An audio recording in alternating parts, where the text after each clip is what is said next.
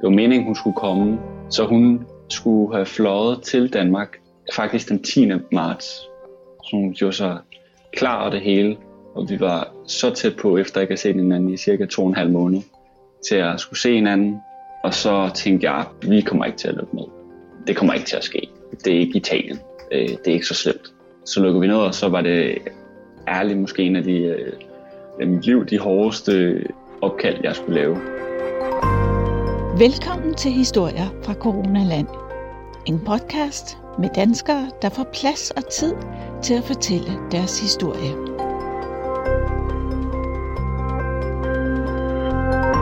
Jeg hedder Daniel Gray Christoffersen, og jeg er 24 år.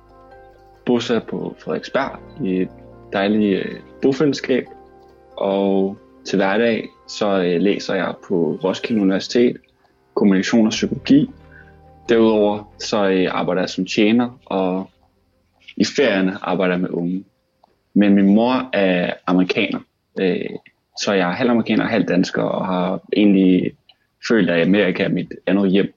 Jeg tog på udveksling, hvor jeg så med min kæreste øh, slutningen af mit øh, udvekslingsophold, og det har så gjort, at jeg har vendt tilbage for nylig under de her mærkelige tider til USA. Øh, og det har jeg kun kunnet gøre på grund af, at jeg har en lille bog, som er mit, mit pas, der får mig, til, får mig ind til det forbudte land næsten. Ja, for det er jo meget svært at komme ind derovre efterhånden. Ja, helt klart.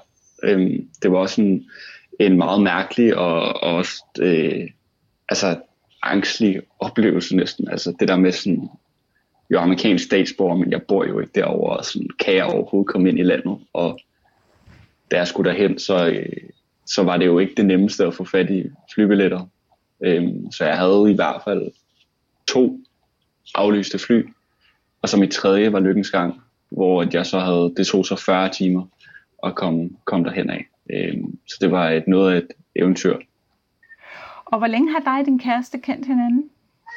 Øhm, min kæreste og jeg har kendt hinanden næsten ni måneder, fik jeg skyde på nu.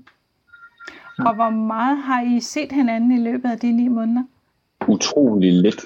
Øhm, sammenlagt to og en halv, tre måneder. Fysisk har vi været sammen. Første gang vi så hinanden i lufthavnen, så skulle vi have masker på. Så sådan, det var sådan, det var lidt unaturligt, at man ikke sådan kunne kysse, men det var, sådan, det var så lige, altså jeg var så ligeglad, fordi at jeg kunne bare holde hende, og det har jeg ikke kun gjort i så lang tid. Så det var sådan, altså, altså det var sådan helt ekstatisk. Tog I så maskerne af på et tidspunkt? Ja, det gjorde vi så snart, at vi kunne gå ind i hendes bil. Så I har kysset hinanden? ja, vi har kysset hinanden. Der er ikke noget at Det er godt at høre. Velkommen til Historier fra Coronaland. Tusind tak, Annette. Hvordan var det at være over i USA? De der corona-vibes føler jeg ikke rigtig ændrer sig. Altså sådan, uanset hvad for et land man er, så ved man godt, at det er en pandemi, som der foregår. Altså, man ved, den er der. Det, som der stod ud for mig i hvert fald, det var, at folk gik rundt med masker. Ja. Du skal lige fortælle mig, hvilken by du var i, da du var der sidst. Ja, jeg var i uh, Olympia, uh, som er hovedstaden i Washington. Uh, mange tror, det er Seattle, som er et sted, mange kender.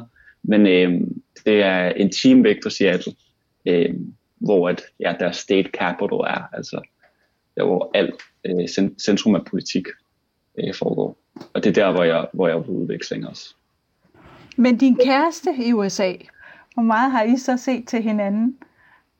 Det har vi er virkelig ikke øh, fysisk.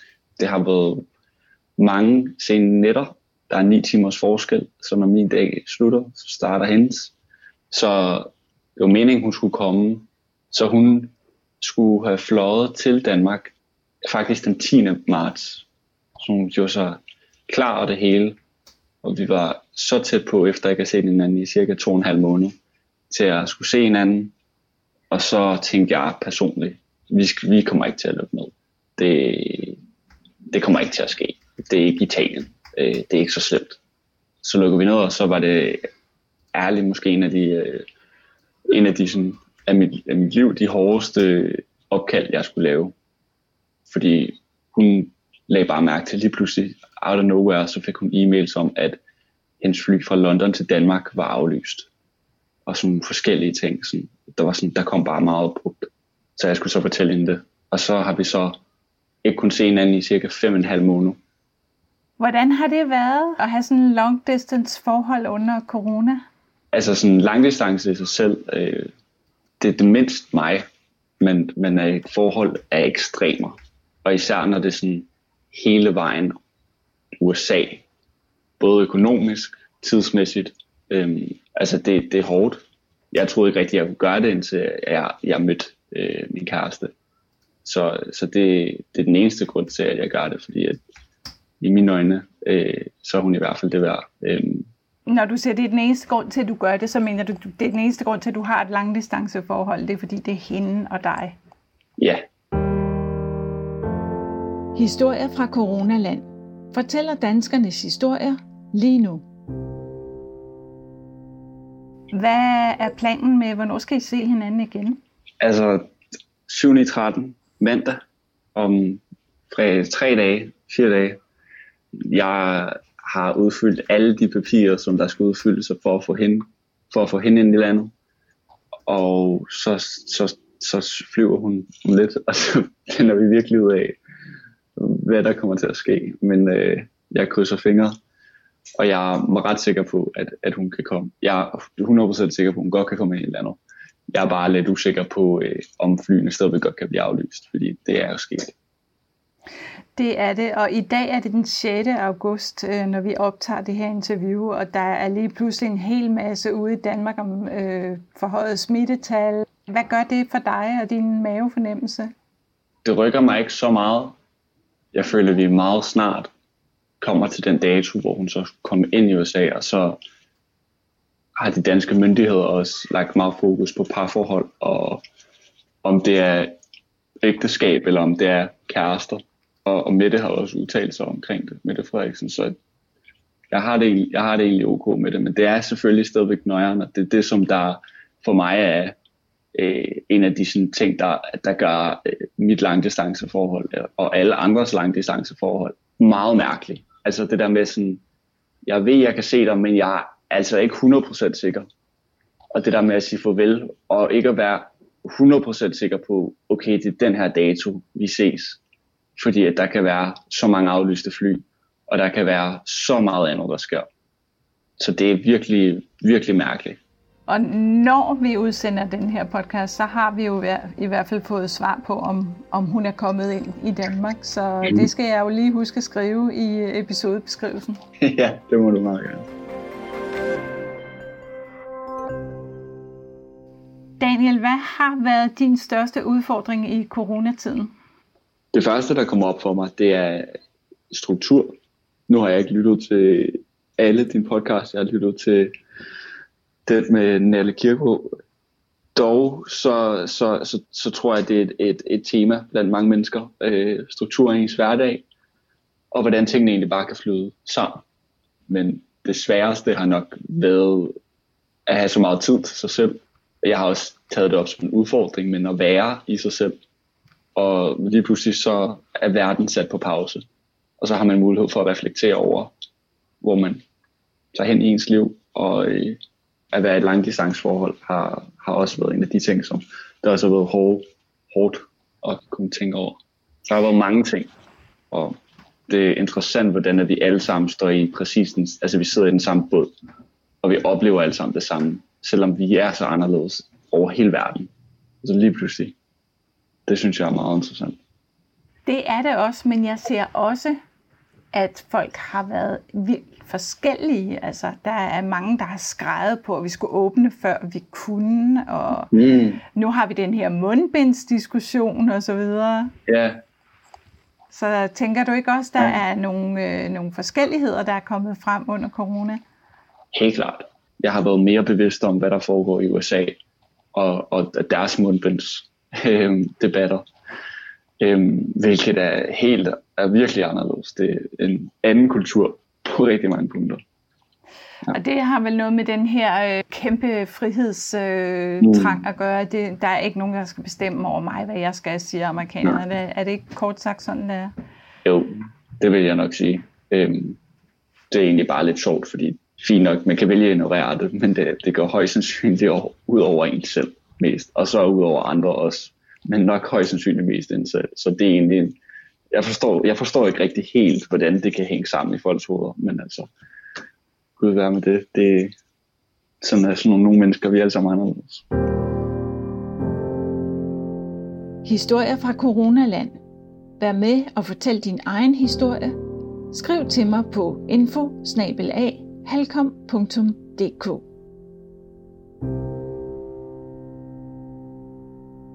Hvad er det mest positive, du har lyst til at give videre efter denne her coronatid?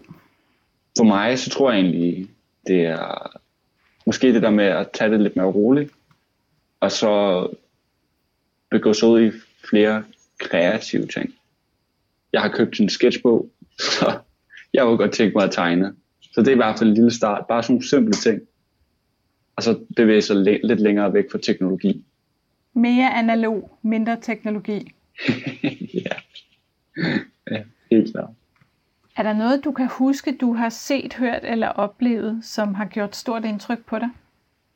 Snoop Dogg poster noget på Instagram, hvor han siger sådan, wow, det tog virkelig en pandemi for at få folks øjne åbne over for den mængde af racisme og oppression, som sorte mennesker går igennem i deres hverdag.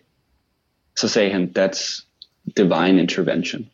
Og det synes jeg egentlig var sådan ret interessant. Når hele verden er sat i stå, så lige pludselig, så er der mere tid og, til at reflektere, men også fordi folk, så forfærdeligt som det er, har mistet deres arbejde, så kan tage ud og demonstrere. Her tænker jeg specifikt på demonstrationerne i USA. Der er mange ting, der har gjort indtryk, men for mig, så det var i hvert fald en ting, som jeg synes, der var ret interessant. Her til slut, hvad giver dig håb for fremtiden? Samvær. Det er det, der står allermest øh, frem for mig personligt. Vi er i det her sammen, og række ud og snak. Altså, vi er sociale væsener, så om det er gennem telefon, eller om det er fysisk, angående af, hvordan situationen står til på det tidspunkt. Daniel, tusind tak, fordi du ville være med. Jamen, selvfølgelig, Annette. Det var hyggeligt.